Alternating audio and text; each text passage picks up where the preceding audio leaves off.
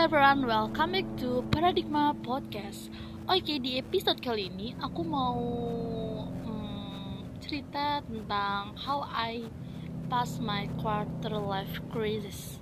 Mungkin di sini teman-teman ada yang berumur 18 sampai 22 tahunan.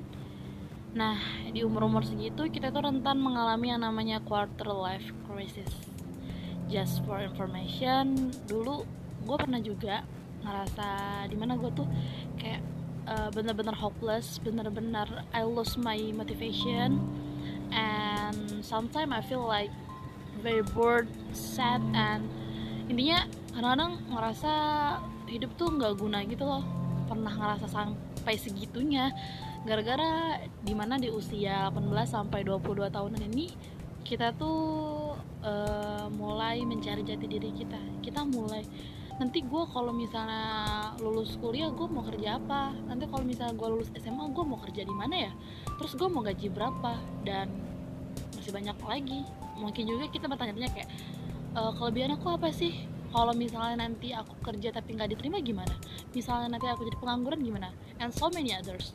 Intinya di quarter life crisis itu kita mulai uh, menerima atau mulai belajar menjadi seorang yang dewasa. I think this the apa ya ini tuh bener-bener yang hard banget untuk seorang remaja ketika dia belajar untuk menjadi seorang dewasa. Ternyata guys dewasa it's not like eh, nggak uh, seperti yang kita bayangin. Menjadi seorang dewasa itu itu kita mulai mengalami namanya tekanan hidup. Kita mulai berpikir secara logik. Mungkin dulu kita waktu SD pernah ditanya kamu nanti kalau misalnya lulus uh, lulus sekolah kamu mau jadi apa? Jadi bu jadi bu guru bu. Jadi dokter bu. Jadi pilot bu. Jadi pegawai negeri bu. Jadi pramugari bu. Dan masih banyak lagi. Tapi semakin kita dewasa kita semakin mengerucutkan apa sih yang kita mau. And apa sih yang kita suka gitu. Terus apakah hobi kita tersebut bisa menghasilkan uang? Apakah dengan hobi kita tersebut kita bisa bertahan hidup? Ya Itulah pertanyaan yang muncul ketika kita memasuki usia 18 sampai 22 tahun. Uh, mungkin nggak semua orang pernah ngerasain quarter life crisis, tapi rata-rata emang uh, anak remaja itu mengalami quarter life crisis di mana dia mulai merasa ada tekanan batin dalam hidupnya seperti ketika melihat orang lain sukses like uh, pencapaiannya udah banyak gitu sedangkan kita masih stuck di situ-situ aja gitu. Dan kita belum memiliki karya ataupun penghasilan. Di sana kadang-kadang kita mulai ngerasa insecure and mulai merasa nggak percaya diri. Terus walaupun nih either like uh, gue dulu pernah waktu SMA gue mendapat peringkat satu ya. Tapi karena ketika masuk kuliah gue nggak masuk negeri. Jadi di sana gue mikir kayak uh, what's for gitu buat apa gue peringkat satu gitu. Terus kadang kadang-kadang juga sometimes I feel like uh, blame God gitu menyalahkan Tuhan kenapa gitu? Padahal aku udah berjuang. Tapi sampai di titik terendah di quarter life crisis gue pernah nyampe nangis. Nangis it's like uh, one night I don't know why uh, gue nggak tahu kenapa gue tiba-tiba nangis aja gitu. But after that I feel like santai and I feel like lega you know lega.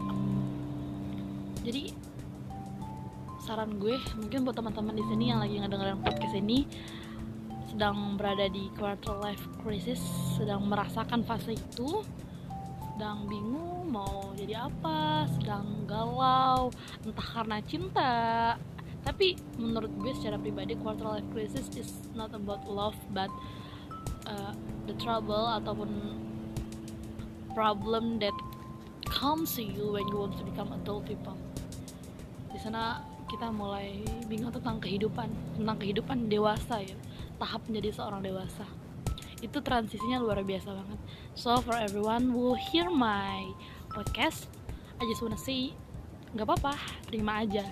Kalau misalnya teman-teman emang berada di fase di fase ini nggak apa-apa. Kalau emang mau nangis nggak apa-apa nangis aja dulu nangis. But I mean jangan terlalu berlarut-larut. Sedih boleh capek boleh tapi jangan berlarut it's enough for one night mungkin nangisnya boleh cukup semalam aja. Jangan nyampe berminggu-minggu. Karena kalau berminggu-minggu nanti teman-teman bisa jadi stres. And after that kurus. And after that get sick. Kan nggak bagus juga gitu buat kesehatan teman-teman. So intinya kalau teman-teman yang ngerasain ini terima. Kalau emang teman-teman sedang ngerasa nggak percaya diri ya udah terima aja. Ya sekarang gue tuh yang nggak merasa percaya diri. Mungkin teman-teman ketika teman-teman ngerasa nggak percaya diri teman-teman boleh menyendiri. Kalau emang teman-teman butuh penyemangat mungkin teman-teman bisa minta bantuan teman-teman yang lainnya untuk hear your uh, story gitu curhat ke teman-teman yang lainnya biar bisa lega. Dan yang pastinya nerima dulu.